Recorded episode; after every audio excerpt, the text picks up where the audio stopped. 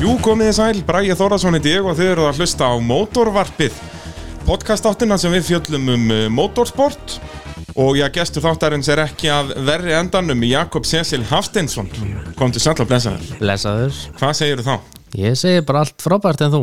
Ég bara hef aldrei verið betri Það hefði ekki. Það er bara svo leis og já, það þekkja nú Jakob flestir, hann sér um að mynda bara allt Íslands motorsport Þegar þú byrjaði nú bara í torfærinni Já, og nú ertu bara komin í þetta allt saman já nánast. Já, er það, það, er, eiginlega- það er ekkert motorsport á fjórum hjólum sem þú myndar ekki kannski go-kart, Já. en það, er kannski út af keppiringin í því Nei, Það er erfitt að mynda, mynda keppnina sem er ekkert að mynda já, það er mjög erfitt. En annars ertu, já, þú ert allt múlíkt mann í þessu Já, nánast held ég bara. Já Og ég var fór einmitt inn á uh, YouTube-rásina þína YouTube channel, eins og er segja Já, já, Og þar ert þú komið 12.000 uh, áskrifendur já. Það er nú reynd ekki amalett Nei, það er bara mjög fínt og ég held að þetta sé komið í 8,2 miljónir áhorf. sem, sem, að- að- heildar view af öll vídjóin Já. það er hann í alveg rúmum 8 miljónum Já. vinsalasta vídjó er hvað 3,7 Já, það er eitthvað best of 2016 held ég. eitthvað svo leiðis Já. þannig að þetta er, hvernig er með YouTube núna er ég náttúrulega að setja þættina mína á YouTube sem er ennsku talinu eru hann með einhverja 5.000 áskrifendur og eitthvað og fæ svona alveg af og til einhverja smá greiðslur hann ert þú alveg að fá einhvern eur úr þessu eða? Já, maður fær þetta svona öðru hverju. Já, svona annarkvæmt mánuð eitthvað svo leiðis Já, og eitthvað svolítið að fyrir bara, en þess að núna er svo margir mikið minnbönd núna. Já, En sen yfir vetartíman er þetta náttúrulega minkað. já, já en það er alltaf samt stöðu áhorf allstaðar, Já, allt árið já, það er náttúrulega út að þú ert að setja inn svo mikið að, Já. að það er þó að þú sért ekki að setja inn í vetratíman er samt að tekka inn Mm. viewin í rauninni já, og svo er þetta svo fljótt að eh, dreifast, það þarf ekki nema ein lítil stöð dreifast upp, þá er þetta að koma út um allt sko. Já, nákvæmlega, og bara ef þetta fær eitthvað hérna, trakka á Reddit eða eitthvað svona, Já, já. svona hlutir sem maður veit ekkert alveg en laf og Nei, síðan nei. skyndilega hörðu, já, þetta er bara komið hérna í 100.000 view og eitthvað og skilur ekkert af hverju að þá er það einmitt eins og getur verið eitthvað svona þetta er komið á einhverja fréttastu erlendis eða eitthvað svo leiðis já, já, bara ykkur stöðar Já, og, og þetta er algjör snild og í þessum þætti ætlum við að, já, aðalega fjallum torfæruna, þar sem að Íslandsmöndunum var nú að ljúka um síðustu helgi já, og ég sé að þú ert í aðalpeysunni, þú ert allir mertu KFC og það Já, er ekki já. ástæðuleysu það sem að það er nú Þór Þormar uh, Pálsson sem að varði Íslandsmeistar í sérbúnaflóknum já KFC maðurinn mann alltaf klippir ekkert nema að fá sig á og sé sko. Já, það er náttúrulega lungu vita mál hvað ert þú að vinna með á KFC? það er eh, það er góðu syngar borgari Já, kjúklingaborgari það er ekkert annað, já, bara klassíski kjúklingaborgar já, maður fer svona eh, maður breytir til sko. Já, ég nefnilega er lítið fyrir breytingar, ég hata breytingar en ég var alltaf í barbíkjuborgaranum og er núna komin í Singer Twisterinn sko. já, það er náttúrulega, var algjört revolution fyrir mig Já.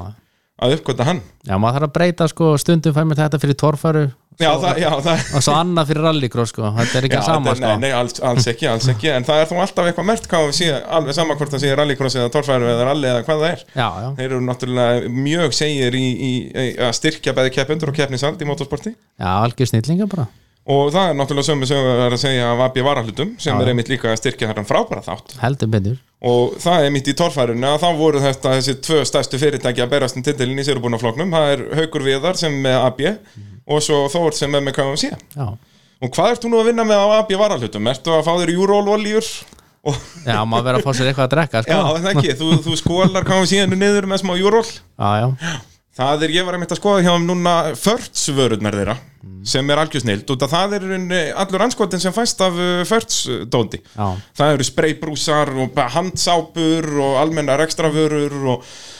og verkværi og að- bara þetta er indislegt bara allur pakkin Allur pakkin og svo náttúrulega eru þetta bestu og ódýrustu varahlutinir líka hann í AB varahlutum Já, Þannig að við mælum eindriðið með að ef, að bílinn er, ef það þarf eitthvað að gera við bílinn þá skellum að sér á uh, til að bjöða varahluta er það ekki Ég held að það sé eina vitið En þá uh, ætlum við að eigum við ekki bara að gera svolítið upp Íslandsmótið Ef við bara förum hérna yfir í raun alla keppendur eða byrjum kannski á, á fjölni Guðmannsinni sem var með eitt stig kannski ég renni létt yfir hérna þá sem að voru fengu engin stig, það er Elva Bjarki Gíslason Bjarki Reynisson, Guðmundur Max Jónsson Davíð Lógi Hlinsson, Guðbjörn Grímsson Gestur Ingólfsson, Ingvar Jóhannesson og Óskar Bjösson þeir náðu ekki að skora stig í ár en þetta eru alls 40 keppendur sem voru að keppi í sumar í þessum báðum flokkum, á 31 í sérumbúna og 9 í gödubíla og ég fór að skoða og þetta er sem sagt eh, met í rauninni síðan mælingar hófust inn á akis.is sérðu stöðun í Íslandsbóndinu alveg til 2012 og það hafa aldrei verið fleiri keppendur Nei. þó að það voru í rauninni bara 5 keppnir í ár en ekki 6 eins og er venjulega þannig að það er algjör snilt og Mm. Já. náttúrulega þetta er alltaf blussandi uppleiðið það ekki Jú, ég held það menn er að smíða og kaupa og Já. breyta og Við fengum einmitt hérna flungu nýjan frá Noregi, eða það er ekki nýjan bíl en, en, en nýjan á Íslandi, Lightfoot já, já, Það var- Hann kefti nú reynda bara tvær kefnir, hann Jón Vilberg Gunnarsson á honum En já, algjör snilt og uh, eins og við segjum, þetta er á, á blúsandi upplið Ef við förum þá aðeins yfir, uh, já þá sem við fengum stig Fjölni Guðmannsson, hann var bara með eitt stig á, á efunni Eða sjúkrabílnum eins og hann kallar hann núna já, það var, var skemmtilegt að sjá hann á akkurir með sjúkrabílinn sko. Heldur betur, hann er náttúrulega læknismentaða maður fjölnir Já. Þannig að þetta var mjög viðiðandi, hann var búin að mála hann allan hvítan hann og, og, og bara með kross á hliðunum Og líka gaman að sjá að sjúkrabílinn á svæðinu var með honum í liði já, já, þeir bara stillu sig hliðu lið og voru bara flotti saman Já, ég held það og, og, og fjölnir náttúrulega með sírun á topnum líka, annað væri, annað væri þvæla já, en alltaf í síðustu breytina þá var síran í gangi Já,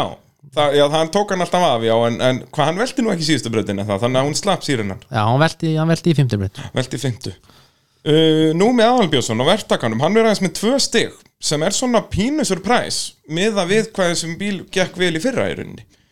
Það Já. var hann, uh, hver var á honum í fyrra aftur? Kristján Finnur Kristján Finnur akkurat og hann náði palli á Akranesi á þessum uh, sama bíl og bílinn var að virka mjög vel í fyrra en hann hefur verið í smá vesinni með hann eða þeir hafa verið í pínu vesinni í ár já, en maður sá það samt undir lokin að hann var farin að ná góðum tökum á honum sko. sérstaklega á Akranesi sko. Veistu eitthvað með, það? eru þeir að skiptast milli ára eða eiga þeir bílinn saman eða hvernig funkar þetta hjá þeim? Ég er bara ekki klárað, ég held að kiftan saman Náttúrulega númi kift í einni keppni í fyrra sko Já. Í staðbæðalli Akkurat Þannig að það er, sjáum til á næsta ári hver mun Eh, keira Stefan Bjarnheiðinsson, hann mætti í tvær keppnir, bara báðar heimakeppnina sínar, það voru náttúrulega tvær keppnir akkurir núna og hann var líka með eh, tvö stig var svona fullur agur fannst mér núna í síðustu keppni hann bara, er henni mátaði ekki inn í síning börðin keirði bara í burtu í þessum tilfellum Já,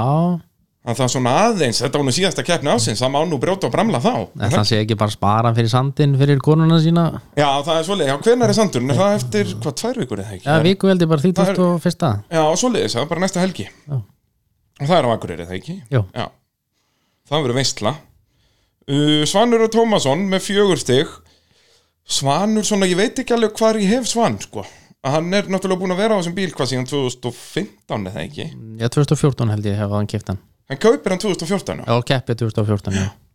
og er í rauninni hefur aldrei verið svona í almennlegum toppslagan hefur, verið svona, hefur að vera á velunapall á þessum bíl Ekki svo ég muni, nei ég minna vel að minnir ekki sko þannig að hann þarf aðeins að fara að rífa sig upp En hann hefur verið kannski 5. 7. Já, alveg, hann er einhverju svona keppnum, sko. alltaf, ég segi það, hann er svona tilbúin þar, sko En svona vantar hesslu munn upp hjá honum Já. Og hann er svona líka, mér finnst kannski vantaðis meira svona consistency Eins og maður segir, í, í, í hérna aksturinn hjá honum Að hann er, þú veist, sumar brautir er hann mjög góður En Já, það já. bara, hann þarf að setja fleiri þannig brautir saman í keppni, sko En það hlýtur að koma Já, já, Daniel Gunnar Ingimundarsson, okkar maður á vettvangi á Green Thunder, hann er einnig með, já hvað er hann með mörg stig hérna, hann er með fjögur stig og hann kefti nú í flestöllum keppnum eða ekki? ég held að hann kefti öllum keppnum nema núna síðustu Já, Já, hann var skráður eða ekki hann var skráður en kom held í ykkur bylun upp Já, svoleiðis En nú byrja bílinn hefur verið að virka ágætlega hjá honum núna, finnst mér Já, hann er búin að vera líka bara svona meira ákveðinir heldur en hann var í fyrra allavega Já Bara vonandi að fara að smetla hann Hann náttúrulega væri svo miklu basli með bílinn hann í mörg ár Já, Og þá náttúrulega gata hann aldrei verið að beita honum almennilega sko. Þannig að vonandi á næsta ári að þá fer hann að rífa sig upp já, já. Okkar maður, hvað Daniel, hvað er nú búin að vera að keppa lengi núna? Er þetta ekki, byrja hann ekki í 98 eða eitthvað? Jú, hann byrjaði heldur 98 í gutubílum og smíðaði þennan 2002 eða ekki Jú, þá Sér kemur búin hann með, með þennan og hérna náttúrulega endur smíðan eitthvað aðeins núna nýlega Já, þá að breytist nú ekki mikið en uh, jú, hann er búin að vera að, að í hvað þá 21 ár ef að, ef að reikningurum minn er, er réttur uh, á undan honum í, ný, í átjánda sæti í Íslandsmótinu í torfæru er Freddy Flintoff okkar það, maður Það er magna, sko það er, það er nú reynd ekki slæmur árangur að vera þarna frá Breitlandsegjum vera krikketileikmaður frá Breitlandi og enda í átjánda seti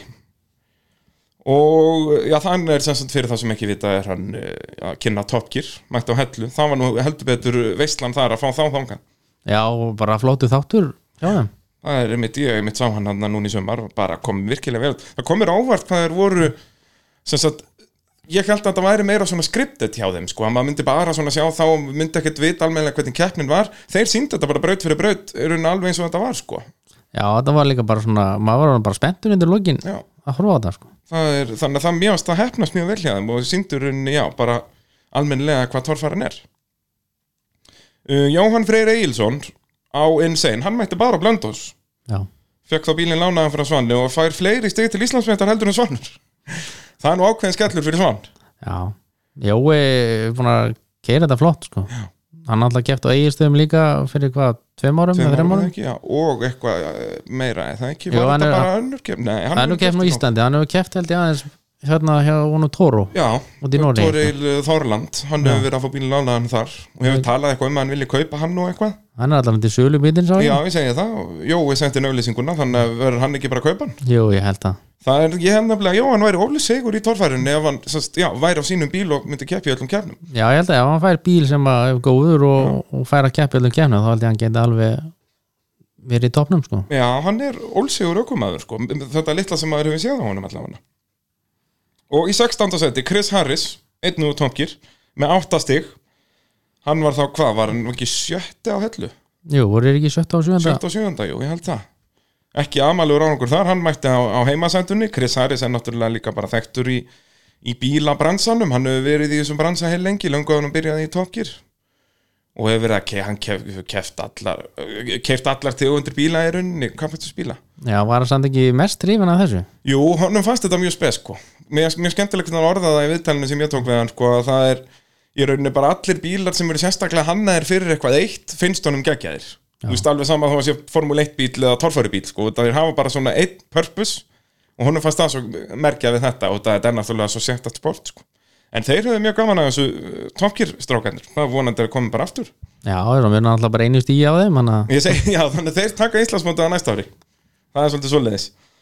uh, uh, uh, uh, Þá í 15. seti Guðmundur Guðmundsson á Hamraranum Hann kom skemmtilega óvart fannst mér Já, Í mörgum keppnum var hann bara mjög framalega Þú veist eins og á hellu, ég held að hann hafi verið í fjórða seti Eftir þrjár fjóra brautir Og svo bara einhvern veginn í annarkvort mistökja honum Eða bílinn bilar Þannig á næsta ári, ef hann mætir um bílinn alveg tip-top, mætir allar keppnir, hann geti alveg verið í, í slagnum. já, og veist, maður sá það líka eins og Akkurir í fyrirkeppninni þá gerði hann einhver mistök í tímabröðinni hann myndi ekki reglunar, hann hefði getað farið bara tekið ring Já, sko, alveg rétt, alveg rétt. og þá tapa hann alltaf einhverjum stigum og, og svo settist hann eitthvað held ég minni mig og kviðin eða eitthvað og það, en fram að því og yfir heldina, þá held hann hafi verið bara í sjötta setið eða eitthvað, Já, nákvæmlega, sko, hann var alltaf svona hafsbreytt frá því að vera hann bara í topp 5 þannig að já, ef hann hafði verið reglulega þar að þá væri hann náttúrulega, já, bara í 5-4 senti í Íslandsmótinu já, þannig að hann, já, kom mjög sterkur inn náttúrulega nýlið, hann kefti bara eina keppni í fyrra á Akureyri, já, kaupir þannan bíl sem er þess að á gamli hlíabarðinn smíða á Egilstöðum og var Spædemann náttúrulega hjá Þóri Þormari og, og svo doktorinn hjá þeim B6 strákum, Já. hann er kaupir hann af, af B6 hvað já, heitir, hann kaupir hann held ég bara mjög fljótlega eftir að, eftir að eiginstæða kemni fyrir að minni mig, stóra knessið hjá, hjá Birgi já, og kaupir hann þann náttúrulega með bóið veltibúr og alls konar svona hann náttúrulega fór hans í illa þarna en við minni nú samt að Bísik hafi laga veltubúna, minni já, mig. svoleiðis, já, hann Mm. Nei, var þeir- aðfend hann í, í lagi í rauninni já, þeir gera ekkert neitt öðruvísi þeir, nei, já, það er þetta er top menn, já, já, það er nákvæmlega svoleiðis uh, Ólafur Ingjaldsson hann mætti, var hann ekki í síðustu tveimur kjöfnunum Jú. Akarnes og Akureyri Já. vantarlega bróðir ása, gerir þér á fyrir Já. þess að þeir eru báðir Ingjaldsinnir og bara ólsegur, hann er með tíu stig hérna í 14. sendi og þú veist, var þetta alltaf planað hjá þeim að hann myndi taka þetta, veistu það? ég er bara ekki klára á því sko. hvort að þeir ætla að splitta þessu eitthvað eða- og það náttúrulega ási átt ekkert möguleika á titli þarna svona þannig séð ég held að þeir eru bara ég er ekki klára á því hvað þeir bara en hann er bara alveg jafn segur og ási sko, finnst Já. mér að þeir eru alveg á pari Já. hann var náttúrulega þetta voru fyrstu torfarkeppnir hans Já, ég held að myndi svo Akranes að settast hann held ég á kviðin held ég í 50 brett Fyndu, já þá hefði hann verið miklu óvar sko því að hann fór einn að fórum upp í brutum og tundildumis hann er í endar hann ekki sjötti á Akarnes sem eftir gerivert Jú, eitthvað svo leis að hann hafði leikandi geta verið þá hann já, á, á já, fjórða Já, eitthvað svo leis sko. jafnvel þriðja og náttúrulega Aron Ingi þarna í, í þriðja sendi U, u, u, þá er það uh, Haukur Þorvaldsson hann mætti bara á Akranes er það ekki Jú, og var fjórði eða ekki, hann er með 12 stig já það er ökumæður sem að ég vil sjá meira en torfæri Já, það er breiðunni tveir hafsteinn og haukur Það eftir eru sem að maður vill sjá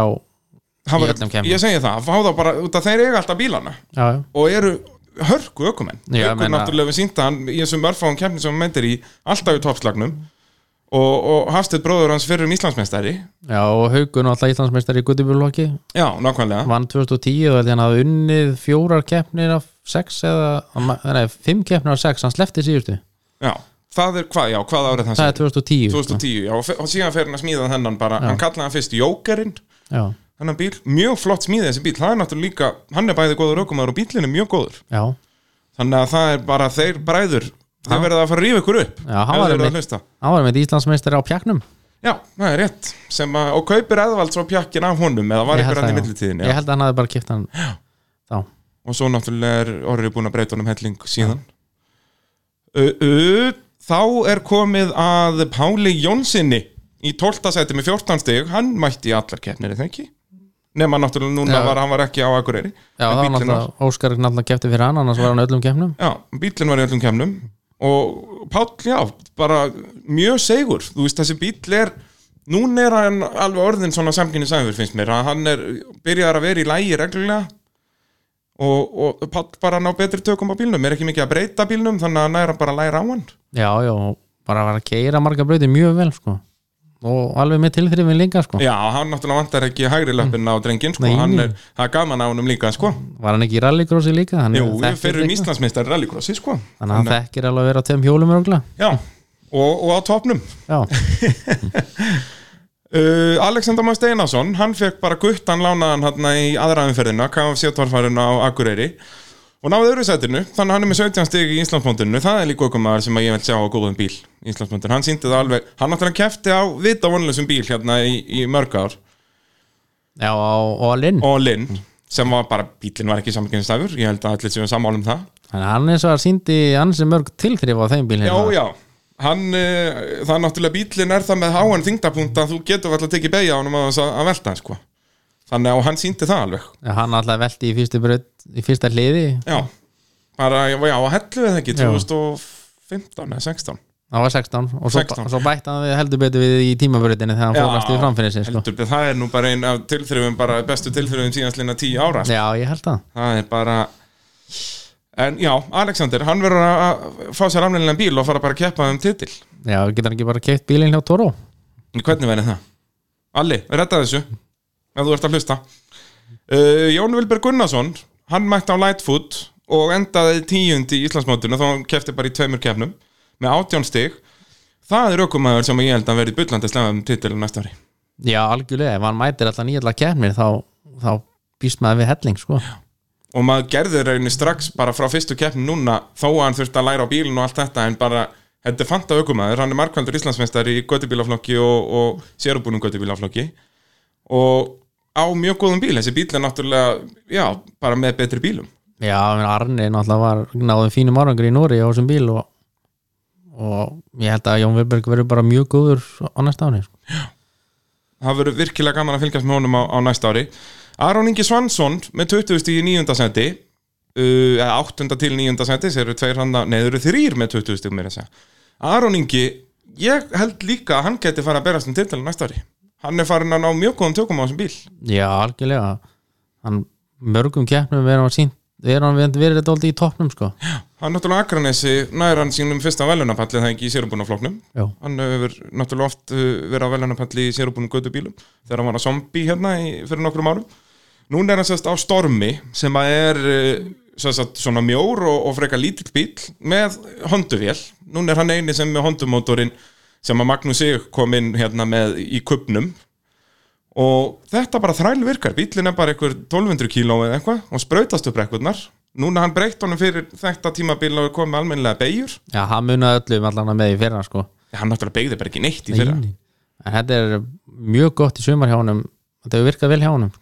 og eru nekkert bilir í, hann sprakk mótorinn hann í annar umferðinni þegar ekki, Jú, hann misti síðan af blöndóskefninni sko. út af en því mætti svo bara Akranes og náði þriðarsæti og nákvæmlega sko og var í toppslagnum framann af Akureyri núna síðustum fyrir henni í greifatólfanni já, ég held að hann hafi verið einn af fáin sem fóru upp held í fyrstu tvær breytinar Já, hann var í fyrsta send eftir fyrstu braut Já. hann fær þar 340 stig held ég bara 10 stig í andarlið þannig að já, hann verður virkilega gaman að fylgjast mónum að næsta ára held ég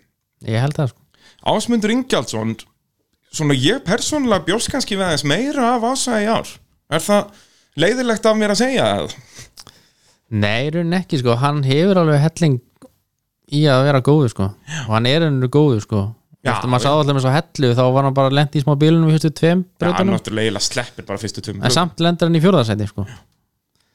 þannig að ég, hann hefur alveg helling til að, burði til að vera á toppnum sko Já, já, það er náttúrulega hann byrjar með hennan bíl í fyrra kemur bara ný, með nýsmíðaðan bíl og bílinn virkaði bara allar keppnir eiginlega hann var aldrei neitt vesen á hannum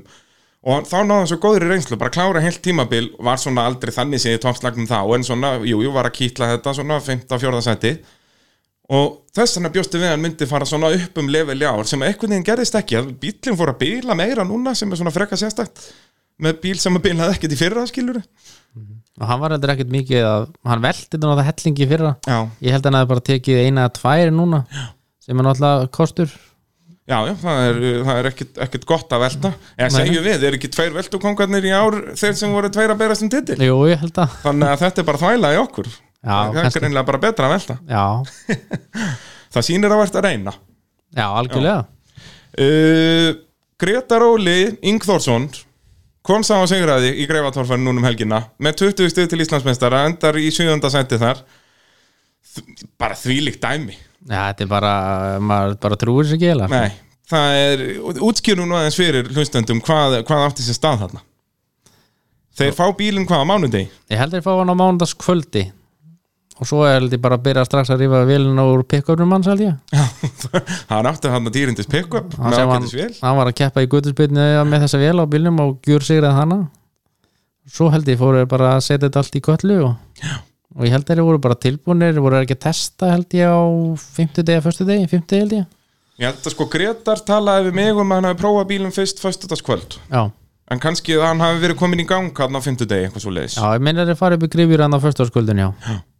Og þetta er runni á nýsmíðaða kallan Hún hefur bara mætt í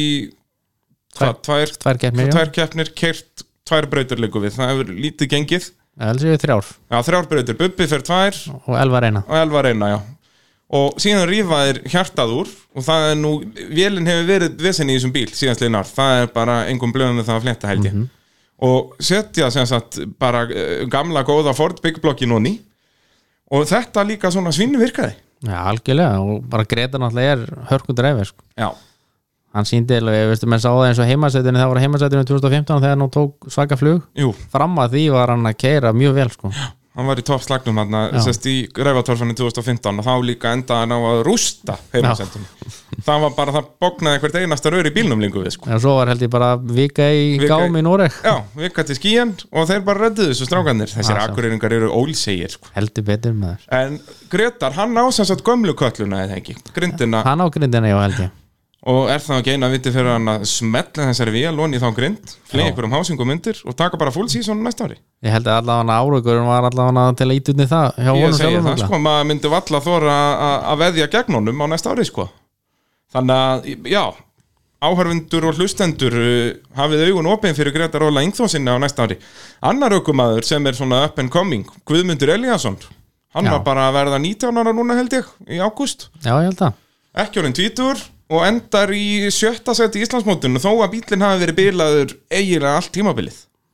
já nánast Þetta er alveg ríkalega sorglegt hvernig ótemjan út af þessi bíl hefur bara alltaf virkað. Hann kom hérna fyrst hvað 2017,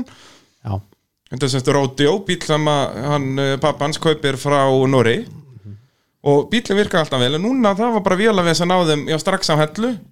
Hann virkaði ágætlega á blöndósi og það skilaði sér líka velun og pall. já ég held að hann, hann var auðvitað held ég ykkur bílir í samt smá þar Já, það var eitthvað, já, það er en samt þriðarsætið og svo bara í rauninni, já, stýrið hefur fengið að finna vel fyrir því. Nei, hérna myndi. heldur betur það er sko, síðan er svo fyndið, síðan talar við hann og þetta er rólegasti drengur sem þú nokkuð tíma finnur sko. það já. rennur ekki í honum blóðið en ef hann kemst í torfarubíl þá er svoleiðis labið er hann ekki bara handarbrotin eftir þetta allt saman það myndi ekki koma mér óvart sko Það er búið að- að lemja vel á stýrinu í ótíminu í sumar og, og já, enda hefur lítið gengið, það er hérna mikið af bilunum og samt eins og ég segja, endar hann í sjötta sendið Íslandsmeistara sem er nú bara nokkuð gott en að ef hann er með bíl sem virkar er í lægi, þá er hann alveg alveg í topp treymur alltaf sko. Algjörlega, ég er hérna þannig að bara þá þarf að rífa hennan bíl upp gera og græja í honum í vetur og hann verður flottur á næsta ári ég held það, og hann er náttúrulega farin til Norex en það ekki Jú. ekki bílinn samt nei Hvað, veist þú eitthvað meir um það?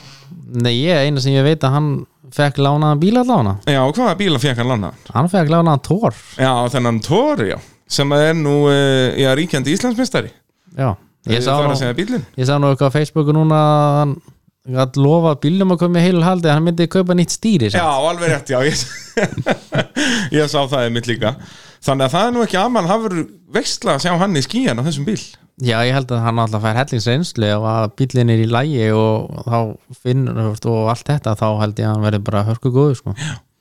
Þannig að, já, það verður, en hver sem sagt akureyra liði með honum eða víkurliðið eða bæði eða hver, Ég- yeah. hverju verið í servis, veit það einhver? ég held að séu bara ógeðslega margir að fara Já, er það, verður þetta bara veistla? ég held að séu bara nánast allir að fara Það er náttúrulega þegar við tveir förum, þá Já. erst allir hinnir, sko. að sjálfsögðu Það er bara svo leiði, sko.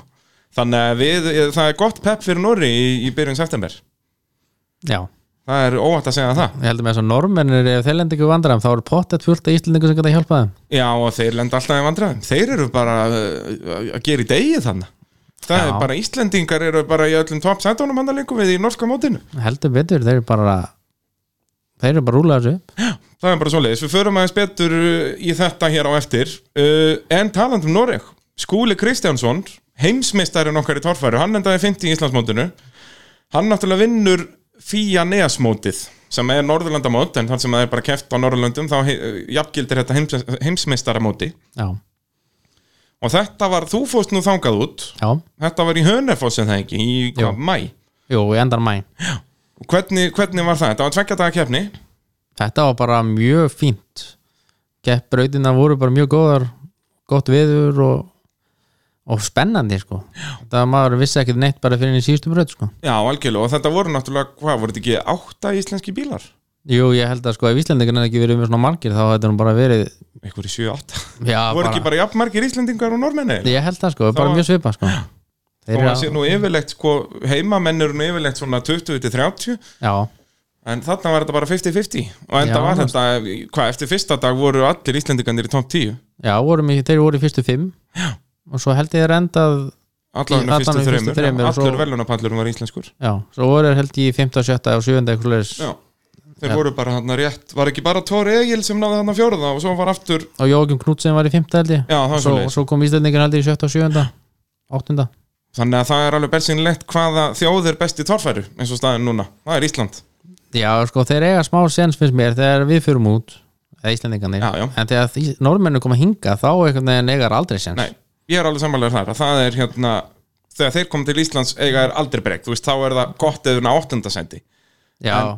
síðan þegar við förum út að þá erum við alltaf í toppslagnum ef við erum ekki að vinna Þú við veist, erum alltaf um á verðanapalli Já. sem fer út, sko ég segi það, það hefur bara aldrei gest held ég að Íslendingur fara út þú veist, þó að mér að segja að það er allir að fara einn út þá er hann samt á velunapalli sko. Já. en ef við erum að fara með eitthvað átta bíla þá er alltaf allavega einn á velunapalli Já, eða allir eins og ég vor uh, Ingólu Guðvarason hann var fjórði í, í Íslandsmótinu með 44 stig Ingólfur er svolítið sérstakur ökumæður þetta er svo mikið upp og niður hjá honum hann er annarkvort bara bestur í heimi eða lélegastur í heimi já hann alltaf var í topnum, þangar til að misti alltaf brautnumir, nei, hann brautnumir hann keppnumir 2, já, hann náttúrulega mætti ekki á, á IKFC torfærina en síðan láði hann öðru sætið og blöndu sig og var svona smá inn í þessu ennþá já, ég meina náttúrulega eftir Blöndós að þá var guttinn í fyrsta seti ef maður myndi telja bílana þannig að þetta leit vel út en svo á Akranessi þá fer skíturinn í viftuna Já, ég maður bara trúðus ekki þegar maður sá þetta þetta var svona klassíkingólfur sko. ég held að hann væri hættur svona mistökum sko. hann, maður sá mikið af svona klaufa mistökum hjá hann fyrir nokkrum árum síðan hann hefur nú ekki mikið verið að gera þetta núna en bara eins og strax í fyrstu braut hann, þá fer hann sem sagt, í endarliðið öfugt og festist hann á kvinnum og fær bara 80 stiga eða eitthvað þannig að, og það átti í raun aldrei séns eftir það, hvorki á, á segir þar nýja Íslandsmeistaratilli sko. Nei og svo líka að maður lendir í svona í fyrstu breyta og náttúrulega og fimm brautir eftir þá einhvern veginn, uh, er stemningin einhvern veginn sk- trúi ég vel sko að sé bara erfið, maður þarf einhvern veginn að röglega byggja þetta einhvern veginn upp Já, það er bara svona allir vindu fer úr manni í rauninni sko. Já. það er mjög erfitt eins og segir, þetta eru náttúrulega bara sex brautir í torfærakefni að þá er erfitt að vinna þetta upp aftur þetta var auðvitað þegar þetta var átta brautir Já, að þá var maður fekk bara 50 stíði fyrst og þá var hellingastíðum í pottinum já, það er hellingur svo eins og í nesmótinu þá voru tólbrautir, þá getur alltaf ef þú skýtur aðeins á því í, fyr, í fyrir degi þá getur alltaf reynd að unna því upp í seinni deginum sko. bara eins og skóli síndi, hann náttúrulega fór vökkvastýri hjá hann með það ekki í tímabröndinni Jú, hann kláraði ekki tímabrautin eina sem er náttúrulega í Íslandsmóti myndi það þýða að það vættir aldrei séns að Já. það kláður ekki tímabrönd, en þarna var þetta- þetta eru 12 bröndir þó að sérst keppnin er yfir tvo daga en þá er þetta bara ein keppni í rauninni Já, þannig að, að þá sem sagt opnar það meira fyrir að já, þú mátt gera aðeins mistök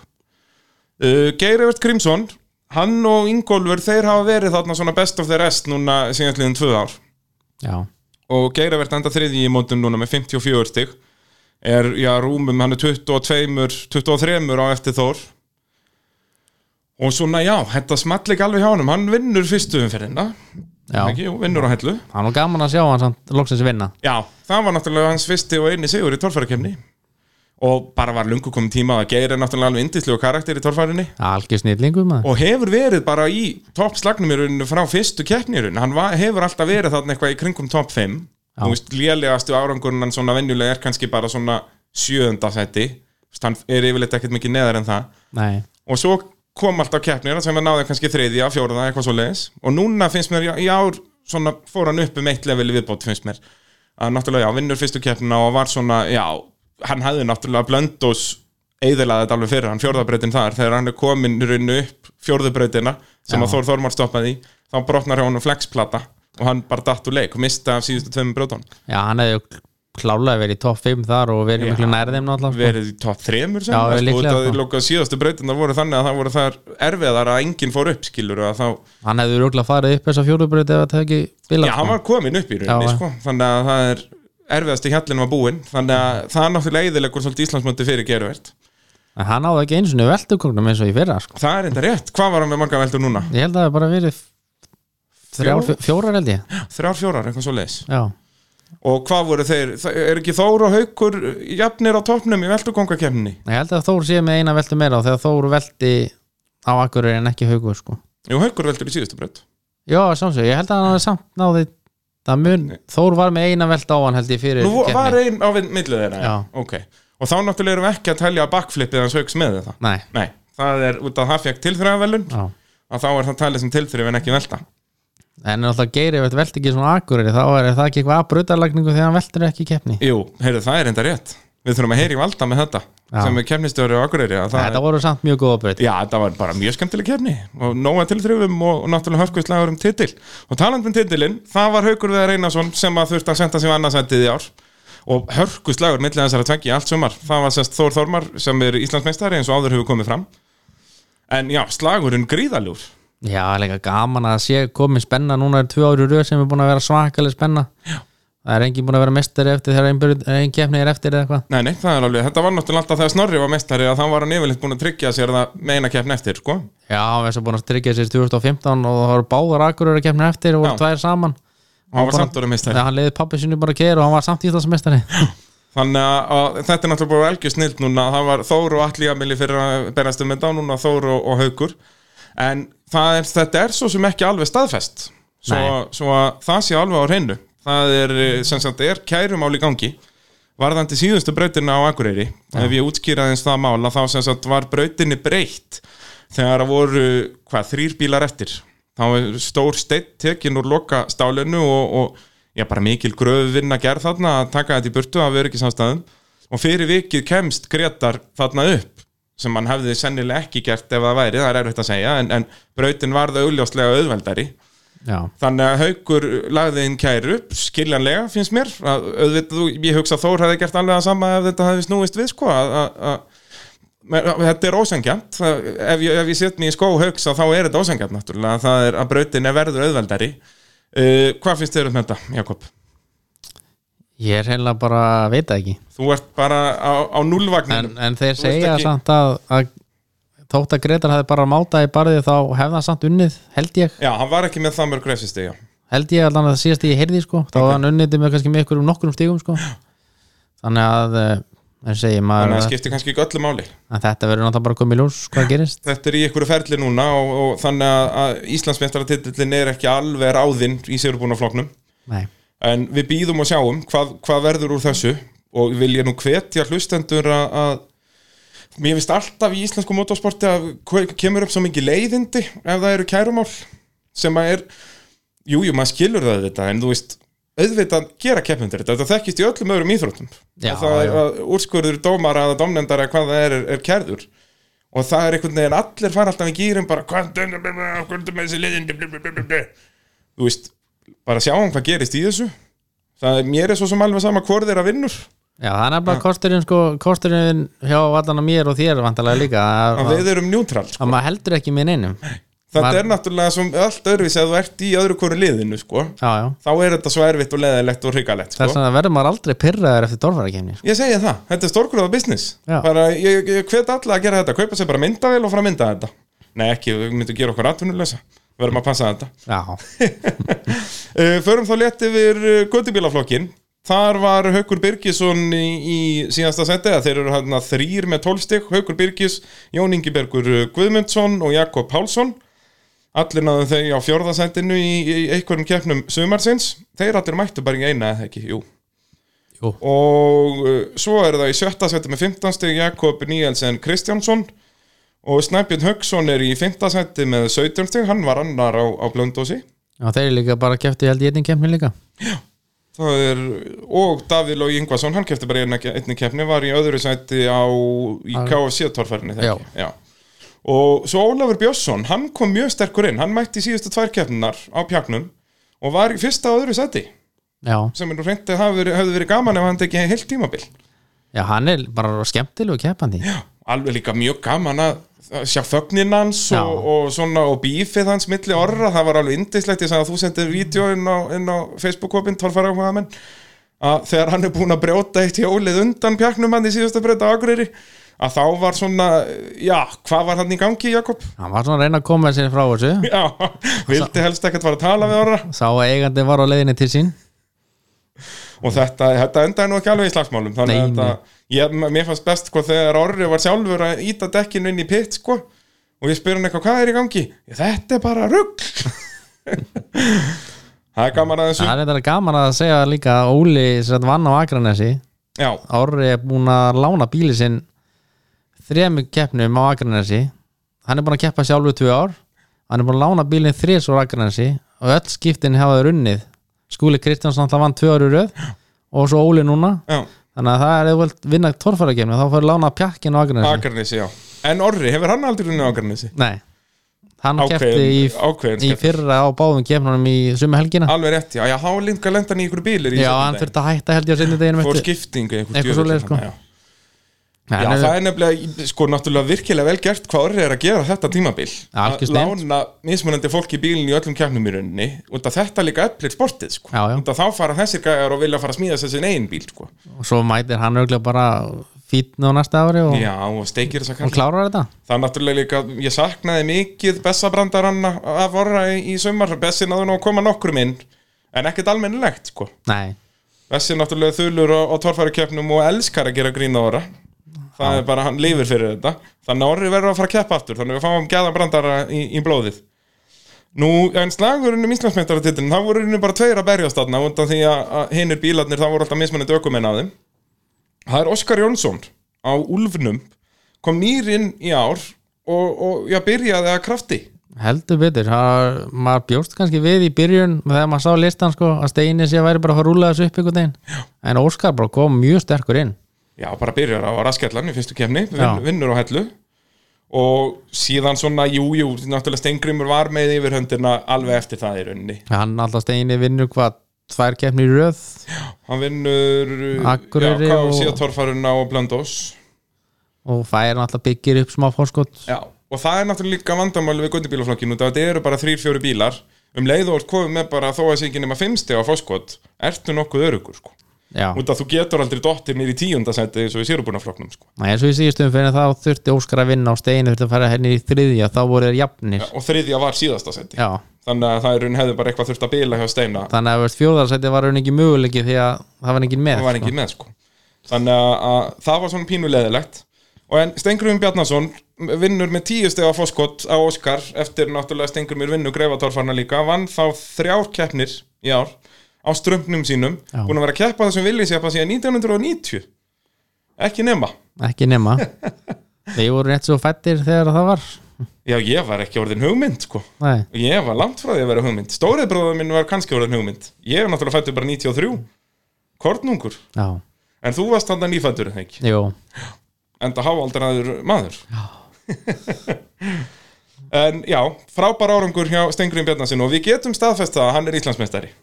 já það er, það er ekkert, ekkert vesen þar í gangi ég held að þetta sé hvað, fyrsti titilin hans núna síðan 2010 Alveg. já, en það ekki, hann hefur alltaf það er hérna, hann, Ívar- Köl, Kölski hefur alltaf unnið hvort, að- hvort sem það sé Ívar eða, eða Raki Skúla þannig að, að já, kærkomin titill hjá, hjá Steina já, heldur betur, og hann áða alveg skilið Já, hann er líka bara svona skemmtilegu keppandi Hann er alltaf gaman á hennum í, í keppnunum og svona karakter í kringum þetta Hann hefur náttúrulega verið í kringum torfærun hann bara frá 90 og jafnvel fyrir já, já, Þó hann hefur ekki keppt öll árin, hann hefur þá verið í servis eða keppnishaldi eða hvað það er Sko hefur alltaf verið í kringum þetta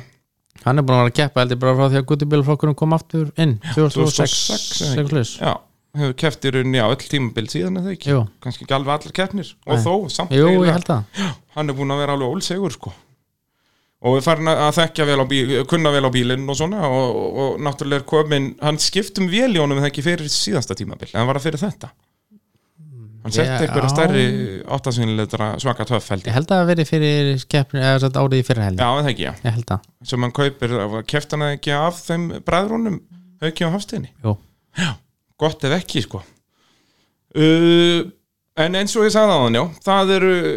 voru flestir keppendur síðan mælingar hófust í ár mælingar hófust 2012 og ætli það sé, ha- heldur, heldur að hafa eitthvað tíma verið fleiri keppendur yfir eitt tímabil svona fyrir 2012 nei, ég held ekki Held- þú veist, það var ég smá er svona lagið í gl- þessu 2011, 10, Já, já. 9, 8 og náttúrulega á þessum glóriér sem allir tala um hann kringum aldamótun og eitthvað þá voru þetta samt alltaf bara 10-11 keppendur í keppni ég held að það voru alltaf bara hver 10, 11, 12 mestalegi sérubána og svo kannski hver 5, 6 guttibílar Já, sérubúnir göttubílar Já. sem voru- voru það og þú veist, það er kannski smuga þarna þegar þetta var að byrja þegar þetta voru bara villisjepparnir það þá getur vel verið að hafa mæta bara í hverja keppni 30 jeppar eða eitthvað, þannig yfir tímabilið og þá voru fólk ekki mikið að keppa heil tímabil sko, það var þetta bara, ef keppni voru á akureyri mættu allir akureyringarnir já, já, ef hún var á Reykjanesi, mættu all grindavíkuliði sko og allt þetta, þannig að það gæti verið þarna fyrstu árin hafi verið fleiri en, en 40 keppendur já. en það var alltaf í hver einstu kemur núna hvað er þetta ekki yfirleitt svona kringum 20 Jú, svona tæplega 20 í öllum keppnum og stundum rúmlega já, svona já ég hugsa svona með, já, að að meðaltali voru ábygglega einhverju, já, 18-20 bílar í keppni voru alltaf hann að 3-4 í göttubílum og svo já, 16-17 í sérumbúnum já, menn svona veist, eins og akkuringar keftu margir bara í, á, á akkurin sko. já, já, það er þeir sem sagt, gestur keftir bara hann í KFC torfærinni Stefán Bjarniðin sem endur bara í báðar akureyrar fjölni líka fjölnir líka, þannig að þeir verða nú að fara að rífa sig aðeins upp fara að mæta heil tímabil ég held að Stefán getur verið skæður sko, út að bílinn er farin að virka, virka já, ágætlega hjá honum já. þannig að hann þyrfti bara að fara að mæta he- heilt tímabil sko. Já, hann mætti held í næstu allt tíðanbilið fyrst þegar hann kom, 2016 16 eða ekki, já síðan 17 og 18 var 17 lett held í ykkur vélamandræðum Já, steg, hann eður ykkur vélina 17 eða ekki Hann er náttúrulega núna komið með mótorinn sem að var í kordrengnum Já. Þor já, Þannig að, að, eins og ég segi, bílinn farin að virka vel og hann þarf bara að mæta oftar já, uh, Þá svona smá pæling Ef að þú væri núna ættir allar miljónirnar og væri að fara að stopna þitt torfæru lið og væri með tvo bíla hvaða tvo aukumenn myndur þið sendið hann sendin og þú veist, þeir þurfa ekki að hafa keft í ár bara einhverju tveir aukumenn En sem sagt að þetta væri fyrir næsta tímabil Þú mátt ekki velja aukumann sko in his prime Mátt ekki velja Átna Kóps áriði 90 skilur Þú verður að velja eins og þeir verið að keira bara í dag eins og að vera keiri í dag sko Ég myndi líklega að taka Atla Jamil og Snorra Atli og Snorri Tvöfaldi Íslandsmeistarinn kemst ekki að blað Já, svona á Þór, þetta er svona Það fyrir eftir hvað bíla væri sko Já Hvað, ok, segjum bara að þú ættir líka að kaupa tvo bíla þú bara hefur, ég, ég gef þér hérna bara 40 miljónir og þú gerir þér torfæri lið ekki nema 40 dugar það ekki alveg fyrir tveimur bílum Jú, en það örugglega. er náttúrulega kontraktin á ökumjónunum það er það sem er aðal peningurinn sko, þeir eru að rukka sko fleiri hundruði miljóna á ári fyrir að kæra ok, veldu er tvo bíla og tvo ökumenn og býtu, ég ætla að setja skemmtilega reglu þú mátt ekki velja, sérst ökumaður má ekki kæra bíl sem hann hefur kært áður bara bing þetta er náttúrulega sko þannig er ég að fara illa með góðan Jakob já, sko náttúrulega hekla og tór er getum sagt mjög nánast sami bílinn já, þeir eru ansi þeir líkir eru alltaf língir já. en ég hef alltaf verið mjög hrifin af Thunderbolt já, hjá alla en náttúrulega maður, ég má ekki setja hann á hans Nei, nei. bíl sko neini, en maður náttúrulega getur tekið bara alla og Þór og skipt og skipt og þegar allir kefti til þeim eins og Þór já, já, það er alveg rétt, allir í Noregi sko reynslu á Þór þannig við getum bara skipt þeim bara heldur að Þór væri segur á Thunderbolt já, já, en svo veit maður ekki ég náttúrulega maður veit ekki hvernig þetta er maður veit ekki hvort að það sé eitthvað mikil munu fyrir Þór að gera turbóbíl núna já, já, hann þurfti eitthvað að venjast í en allan að það en hvað, ertu búin að sparka snorra núna? já, hann þarf alltaf að fara að drífa sér bara á staðin og, og keppa aftur já, nef, nú erum við bara að tala um í, í, í okkar gerfi heim já, já, er hann búin að missa sætið sitt? er þetta allir á Þór sem að fá, fá, fá sætin í, í Team Jacob? já, er það ekki er það? en Snorri, hann er vara, vara ef Snorri það gerist. kemur, já, snorri kemur sterkur inn hann, ef, að- ef, að- ef að þeir ákvaða að hætta á miði tímabil og allt, allt verður brálað Já, en alltaf Snorri er ekki búin að keppa í 2-3 ár sko. Nei, nei, Hann er kannski ánur riðgað sko. já, það gæti verið, ég efast um það samt bara Nei, með að við hann- fyrsta tímabilið hans, hvað þá átt hann að vera rauðgæður út að hann hefur aldrei prófað þetta en, en hann var strax hvað, bara í þriðasendi eða eitthvað, ég veist menni Já, og bara var Íslandsmeistari öll árin sem hann kefti Já, þetta er náttúrulega, út af næsta spurning hjá mér var einmitt, sko, að hver finnst þér að vera besti farfaraukum að bara í Ísland sögunni það, fyrir mitt leiti finnst mér að vera snorri, sko Já, þú veist, þá það sé náttúrulega erfitt að segja það er náttúrulega erfitt að bera snorra saman við þú veist, Bergþór Guðjóns já, já sem að var að keppa á líku við orginal villis hérna bara eh, valla á skópludekkjum hérna fyrir milljón árum síðan og eins, þú veist, að bera saman Þór Þormar og Harald Pétursson skilur, þetta Já, er já. mjög erfitt, sko en bara með, fyrir mitt leiti, ef þú horfur á ferilinn hjá Snorra Þór hann keppir í fjögur ár, er Íslandsmeistari öll árin ef þú tekur fyrsta árið í burtu þar sem að lélegast árangurinn hans var fymta sendið, er hann alltaf í fyrstu og öðru sendi Já, og náttúrulega vann hvað FINS og Hellu Ameríkukefnina 2016 Já, Náttúrulega með við árangur þá náttúrulega er erfitt að horfa framhjá því sko. er, er, er það erfitt sko en náttúrulega þó Þormar er bara búin að vera 2 ár sko Já, já, Þannig að segjum að hann myndi taka 3 í viðbót og hann myndi ná titli líka já, já, myndi ná fimm titlum en Þá það var það. náttúrulega erum við að tala um svipaðan árangur líka sko En þú veist, eins og mér finnst Þór vera mistækara heldur en Snorri Og eins með bara að þú horfir á Gísla G og Halla P Að þeir voru báðir, þú veist, mér fannst Snorri aldrei gera mistök Ég má, ég verð að fara að hætta að tala um þetta Ég er fjölmeilamæður, ég á að vera hlutlaus Jakob, þú átt að tala um þetta Ert þú líka fjölmeilamæður, já, það er Já. rétt Við, þetta er vesen, við verðum bara, þetta endar á að vera bara Hann er flottur, stendur sér vel Við þurfum að fá annan Við þurfum að, annan fá Hlutlason. okkur, þurfum að finna okkur eitthvað svona reyðan mann á kantinum Sem að bara er tilbúin að láta alla hata sig Við auðlýsum það bara í grúpunni Við auðlýsum það í grúpunni, við hérna bara kommentið undir, un- undir þennan link sem ég setja á torfara áhuga menn ef að þú ert reyður maður og vilt vera hérna á kantinum að öskra á torfara og segja þér kunni ekki neitt, endilega hafðu samband uh,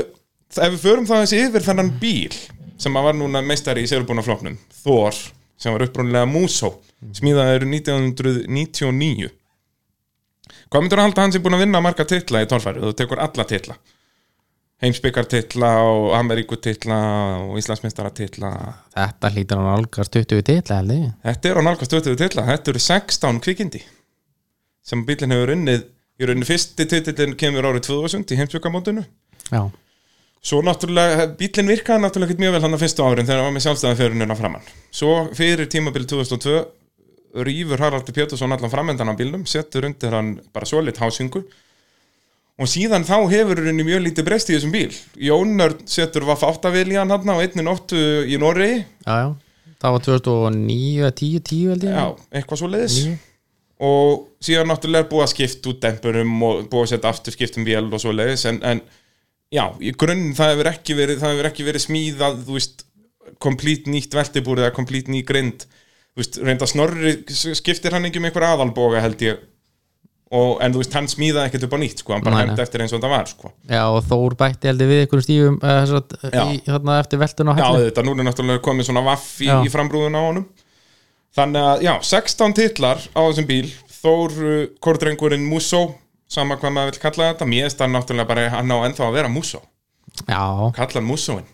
það var gaman að hann um þá sko. Já, já, já, setja gamla lúkið á hann maður Hafa hvítan með svona hérna Hvernig þetta var svona einhvern veginn eldingalúk Eða eitthvað svona, rauður og blár Þetta var grjótart Hann hvítu bíl letandi það er leiðilegt að mynda hvítan bíl sko. samt. Já, þessi eh, hvítur bíl sem er svona búið að brjóta upp finnst mér Já. allt í leið, þú veist Já. þessi bílinn á alla Já. hann er basic hvítur en út að hann er með svona bláu þú veist, það Já. mér er alveg töff og eins og bílinn á Halla Pjövar, hann var hvítur en hann var svona pentjob það er líka vandar svolítið í torfærun, þetta eru mjög oft bara tveir litir, bara eitt litur á veltibúrið og eitt litur á body, Já, það má alveg fara að strípa þetta eitthvað upp og gera og græja Nei, það ekki ég held það sko, við þurfum að- að að pressa menn í það, Jakob Já, fá svona nýja liti líka Já, nákvæmlega, þetta er orðið svolítið eh, hérna, innleitt En samt er svo skrítið þegar þeir málan og þá og maður er búin að vera svo ógeðslega vanur honum Já. þess að hann var, svo þegar þeir málan upp á nýtt þá tekur alltaf smá tíma að venjast því og svo einhvern veginn þegar þeir málan upp á nýtt þá er maður alltaf, já, hann er bara orðin gulur já, Já, náttúrulega, þú veist eins og Geir hefur breytt um lit þarna bara fyrir hver einustu keppni á tímabili þarna. já, já, hann var grætn held í Ameríku Já, hérna. já, akkurat, bara í einni keppni held ég eða eitthvað. Jú, ég held að, það var bara í Svo Ameríku var hann gulur, var fyrir þannig, bíllinn upprúnlega var alveg hrikalega ljótur hjá Geir. Ég venn nú að viðkynna það. þarna var hann Þegar ekki hann var svona, vinnröður já, svona vínrauð sanseraður einhvern veginn. Þetta var bara, þetta var ekki mjög torfærulegur litur, fannst mér. Já, og svo þurfum við að búa til svona gulur, rauður, grætn og blár og vera með lægið undir, Það er enda rétt. Þú Fyrir- þarft að klippa svoleiðis. fyrir krakkana sko, fyrir krakkan Þau læra það lítina langbest svoleiðis. Ég segja það, það er líka fullt af krökkum við fylgjast með Það er verið að gefa um plakkot og allan anskotan maður Þannig að við þurfum að hjóli það uh, Það var nú litla veislan fyrir þig eftir keppna á Akureyri Í velunafendingunni já, Það var verið að halda hva, hva, Hvað var í, í gangi þar? Ég var nú ekki á staðnum Því miður misti ég að þessu synd og skoðum Að ég sé ekki á staðnum þar sem verið að drekka vín Sennilega í fyrsta skipta á árinu þegar að motorspörnum konum saman að drekka vín og ég er ekki þar já, já, Og þar var hvað uppbóð fyrir þig, með það ekki jú, ég sé að Útskýrðu aðeins hvað var í gangi þar Ég er satt byrjaði að fá uh, blómönd fyrir 15 ári tórfæru Já, bara bílugur bakur erar og síðan uh, komu hinn ímsu menn með hinn ímsu hluti jú, og það var sem sagt uppbóð í, í á svæðinu og ég átti vist að fá allan aðgang að, satt, af því já Og hvað var fólk að bjóða þarna upp? þá hluti, Já, hvað, hvað var í gangi þarna? þetta var oljupönnur og, Eitthvað svona gæðastöf og eitthvað svona frægi hlutir úr heimasætu og, Já, já. og KFC peysur Áritað og svona gaman fjör Já, ég svo var nú eitt fimmúrskall á uppóði áreitan á Þór Þormari og Stengrimi Það er náttúrulega best að taka torfaraukumennina þegar þeir eru komni vel í glas Já, að fara að hyrða þeim peninga þá og svo var ein bjórdós eitthvað sem að þú ætti nú að fíla Já, heldur betur sem var áreita á mörgum keppendum Jú, og hvað fór þessi bjórn á sá? Ég held að hann hafði farað okkur 40 skall Já, eða eitthvað. hann hlýtur að vera mjög góður þessi bjórn sem var í þessari bjórndós Já, ef ykkur alltaf að drekka hann Já, ég, kannski var þetta bara upp á hillu hjá einhverjum já geti verið, þannig fer kannski á 100 skall næst eða Já, næsta kannski, já, uppóði þegar næsta uppbóð kemur, já, við býðum spenntir þá kannski koma fleiri áritanir á hann líka Já. og eitthvað, þannig að hann ver- fer upp í, í verði og hvað safnaðist mikið fyrir þannig Jakob? Það sopnaðist alveg hellingur sem að er hvað? Það var eitthvað um, uh, kringu 500 500.000? Já, Það er nú reynd ekki amalegt og þú átt þetta náttúrulega svo fyllilega skiluð út að þú ert ekki, þú rukkar ekki neitt fyrir efnið þitt, þú skellir þessu bara öll á netið og hefur verið að gera það eins og þú segir í 15 ár Já, já, svona nema- kannski ekki alveg fyrsta já ári maður byrjaði náttúrulega bara eitthvað að leika sér fyrst og,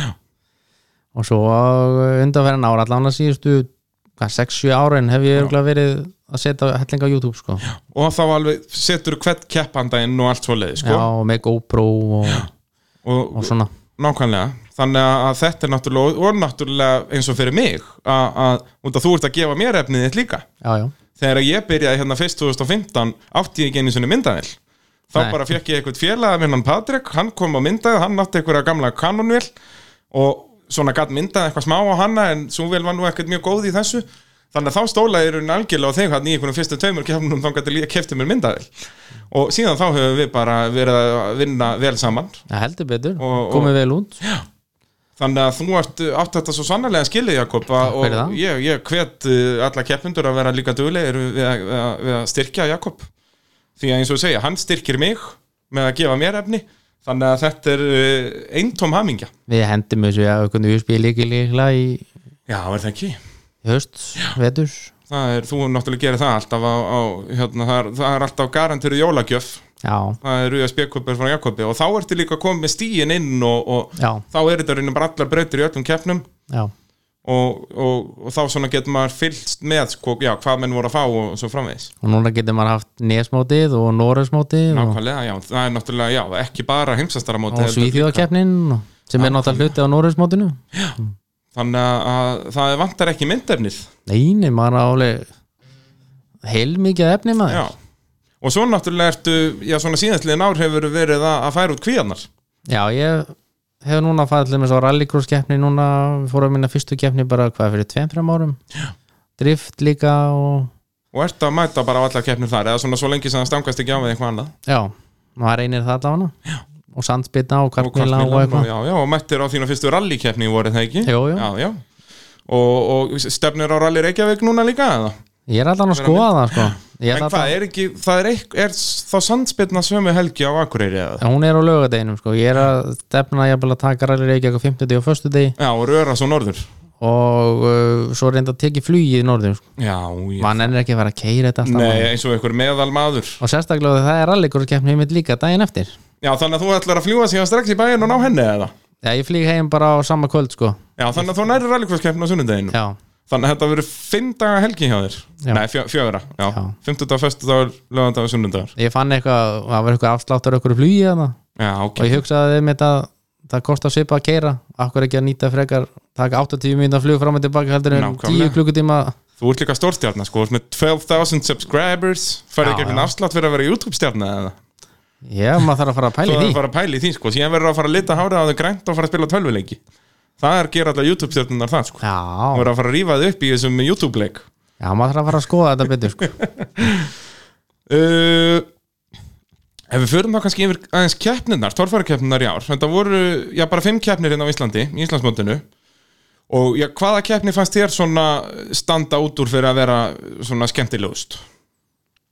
sko, það fer eiginlega eftir hvað maður túlkar skemmtilega keppni sko. Já, Þú veist, ég er núna dálítið að vappin á milli fyrir Akureyri-keppninar og Akranes þannig að alltaf bæðið maður brann í báðum tilvikum sko. já, það veðrið var ekkert að verra endanum en þar þótt að veðri og hellu til þess að vera ekkert slæmt annir skilur við, og en, en ég er svona vappin á milli Akureyri og fyrir daginn eða fyrir Já, keppnina og Akranes KFC og torfæran og, og, og hérna náttúrulega þegar einhver tekur tvöfald baklip á Akranes þá ná- það er náttúrulega hýfir keppnin upp úr, upp úr um hundra sko. Já, það er erfitt að- að að segja nei við þeirri keppni sko. en þótt hann hafði nú kannski bara að fara á hliðin eða eitthvað þá, þá var það samt mjög fín keppni Mjög, og, en samt svona eins og Akarnes það er svona eins og brautirnar fara að verða búnar þar eða þannig að þetta er náttúrulega það lítið svæði sko. Já. það þyrfti eitthvað að fara að stekka og gera og græja sko. það er reyna að fara í eitthvað aðra hóla og eru neins með Akureyri að þetta er orðin mjög einslegt út að það er bara þessi eina brekka þarna sko. og það er búið að vera að nota hana bara endalaust Já, síðan sá ég eins og akkurir þá voruð búin að grafa hann í miðjunni þeir Já, já. getur náttúrulega nýtt það helling held ég sko. næsta ári vonum við að, að og þeir eru náttúrulega líka svo ól segir hann á Akureyri að leggja brautir að ég hef Já, engar já. áhyggjur að því sko og eins með þau á, á Akarnesi sko að, að ég hef engar áhyggjur að þessu sko Þeir eru natta brautir þannig sem voru þokkalegar í sumar það voru runni, það var kannski helst blönd og það sem var svona alveg augljóslega aðeins og verfiðar brautir en samt slapp keppnin alveg út að keppnin var mjög skemmtileg sko Já, já, og, og það- þá var það líka brautina voru aðeins og verfiðar en Já. maður ætti að velja þá myndi hann frekar hann var aðeins og verfiðar heldur en aðeins og auðveldar já þetta var náttúrulega hvað fyrsta keppni á BA þarna já. eftir sem ég Já, best og þeir veit svona, þetta bara, þeir hoppið í þetta í rauninni, það var náttúrulega að cancela keppninu á Egilstöðum,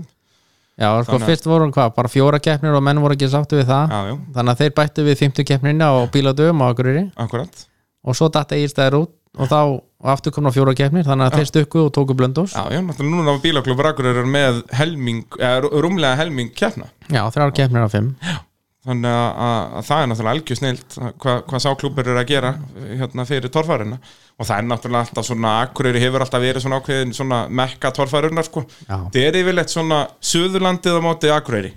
já, bara Gísli Gía á móti Einari Gunnlaugs og, og Þór Þormar á móti Hauki, þetta er alltaf sama sko já, já það er Þetta er svona, þetta er, akkurri er alltaf, það er alltaf stemning að fæta lágur finnst mér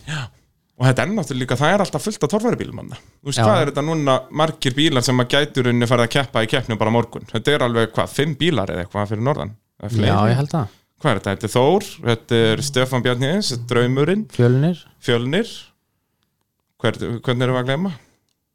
Þetta er ríkalegt, við erum að gleyma ykkur Við erum ekki að gleyma neinum Nei, kannski ekki, kannski séu bara fjórir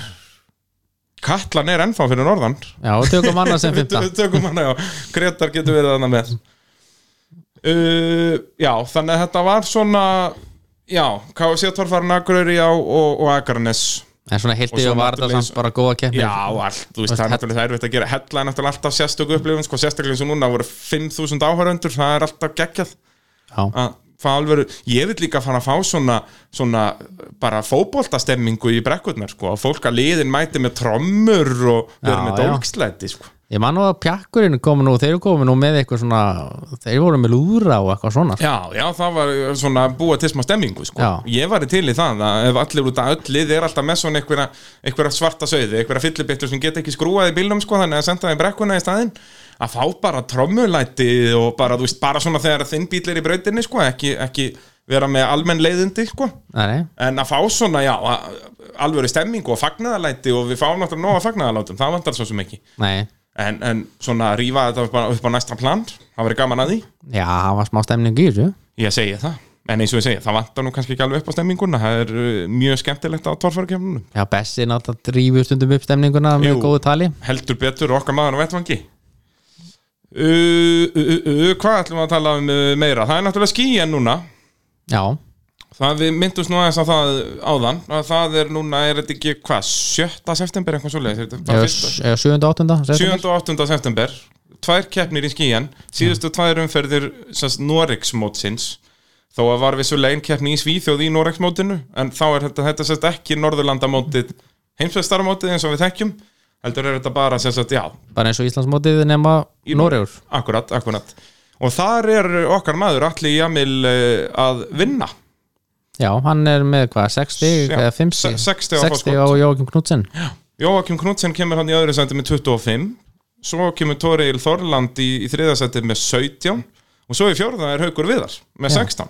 þannig að Haugur Viðar er að fara út að keppa núna og ásamt Guðmund Elía sinni sem verður á Þór í fyrsta skipti og svo náttúrulega er allir að fara að klára, klára eh, mótið og það er runnið haukur á starffræðilegan möguleika á, á titlinum, ég varst nú um að náu því en hann gæti, eh, sko ef að Jóakim verður í ykkur vesinni gæti hann á öðru sendinu sko. Já, og hann er, ég held að hann, veistu, ef Haukur kerir eins og hann gerir vennulega, sko, þá nær hann alveg pottið þriðarsætt í mótinu, sko. já, já, en ef hann vinnur báða keppnir þá fer hann í hvað 36 stík 36 stig og þá er hann með 5 stík á alla þannig að allir þar myndi þá þurfa 5 stík Já, þú veist, ef allir lendir í bílun á fyrsta degi er þetta galopið, sko já og svo náttúrulega stík ekki nöðru þannig er það sko 10, 8, 6 Já, ekki, ekki 20, 17, 15 eins og er hér Þannig að, já, það eru 20 stíð í pottinum hann eh, yfir þessar tvær keppnir og, og þú segir að það séu bara allir að fara þarna verður bullandi stemming ég held að sé að þannig ég sé að það sé rosalega margir að fara út að ég veit að guttin og þeir allir með þess að fara að horfa Já, ok, og fleiri sko og, og þorliðið rugla þannig að þetta verður eintóm hamingja já já en það annað anna verið við þvæla Mér sýnist nú líka á keppendalistanum síðan og vera ágættur hjá normennum líka Já, þeir eru aðeins að rífa svo upp Það er náttúrulega þeir lendi í að bara cancela fyrstu tveimur umferðunum út af þáttúkuleysi Já, og líka það var einhver dýrlega á okkur um vörutækjum Já, var það svoleiðis, já eitthvað svona til að þýfa í bíluna í burtu og Já, svona já, þetta var allt í skrúin eitthvað já, Þannig að já, það er uh, stefnir í veistlu í byrjun september og, og þið áhörundu góðir og hlustendur getur nú fengið að sjá þetta allt á internetinu ef þið eruð ekki að fara á staðinn. Jakob, þú flegiru sinn hann bara strax eftir keppni ef við þekki þið rétt. já og ef verðum ekki að gera það Jú. það verst að það er ekki kás, já, akkur til að hýfa mann upp sko, Er, er, nei, já, akkur heldur á, á, á- í Nóri, Er ekki KFC í Nóri? jú, það getur verið Lítur að vera Jú. KFC í Nóri, við finnum, við þefum hann upp. Norrmenn er nú samt aldrei skrýtnir hann að maður veit það ekki, Ég segi í það. versta falli fer maður á makkaran sko, já. Eitt er víst að það er ekki abja varahlutur í Nóri. nei Það er, þeir eru ekki ennþá komið út í búð þar Það hlýtur að fara dett í það, þeir eru vinsanasta varalutavinslun á Íslandi, þannig að er ekki best að fara að færa út kvíarnar í þeim efnum jú, eða ekki, Ég held það uh, Annars hvað, núna um helgina er hvað, það er eralíð í gangi já, geipilega spennandi Þar eru bílar að keira undir hámasræða og það heyrist ekki í þeim nei, nei Það er, uh, Þið heyrið stemminguna í stúdíónu hvernig við erum alveg að missa okkur við Jakob yfir þessu og svo er það næsta helgi já, þá er náttúrulega Rally Reykjavík og, og Sandspirna á Akureyri og rallycross og Rallycross á sunnudegi þannig að heljarinnar helgi þar já, síðasta keppni í rallycross sem var fín þannig að já, það verður- mjög skemmtileg það var það hérna verður öruglega, þetta er náttúrulega síðasta umferð síðast umferð Íslandsmótsins það er úslitur ráðin hvað, bara í einum flokki það er ekki bara þúsundflokkurinn sem er komin Íslandsmeistari ég held að líka að Arnar sé búin að tryggja sér úlengulokin, ég held að sé búin Já. að vinna allar keppninu held ég, Arnar uh, Már held ég hann heitir. Arnar Már, já hérna, sonur, já, er hann ekki Átna Sonjú? Jú, Mm. já, Átni Jóns Rally Kempa, eh, pappans það var nú gaman að fylgjast mónum í framtíðinni og svo munum bara stígi á í 2004 flokki held ég, nú, þannig að það er hörku spennað það þar, er Trösti og Alexander já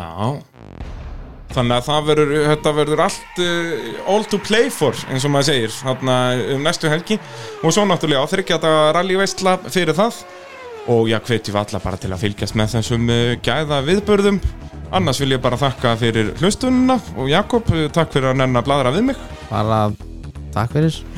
og ég vil svo bara þakka KFC og AB Varalutum fyrir að styrkja þessa veistlu og þanga til í næsta þætti bless bless